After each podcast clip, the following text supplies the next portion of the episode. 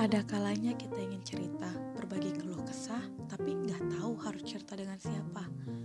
Atau saat punya orang untuk berbagi cerita, terkadang hati nggak enak, merasa apakah telinga yang nggak jenuh mendengar cerita yang itu, itu saja. Kadang kita nggak perlu didengarkan, kita hanya perlu bicara, mengatakan apa yang tersimpan, yang menyakitkan bila hanya dipendam.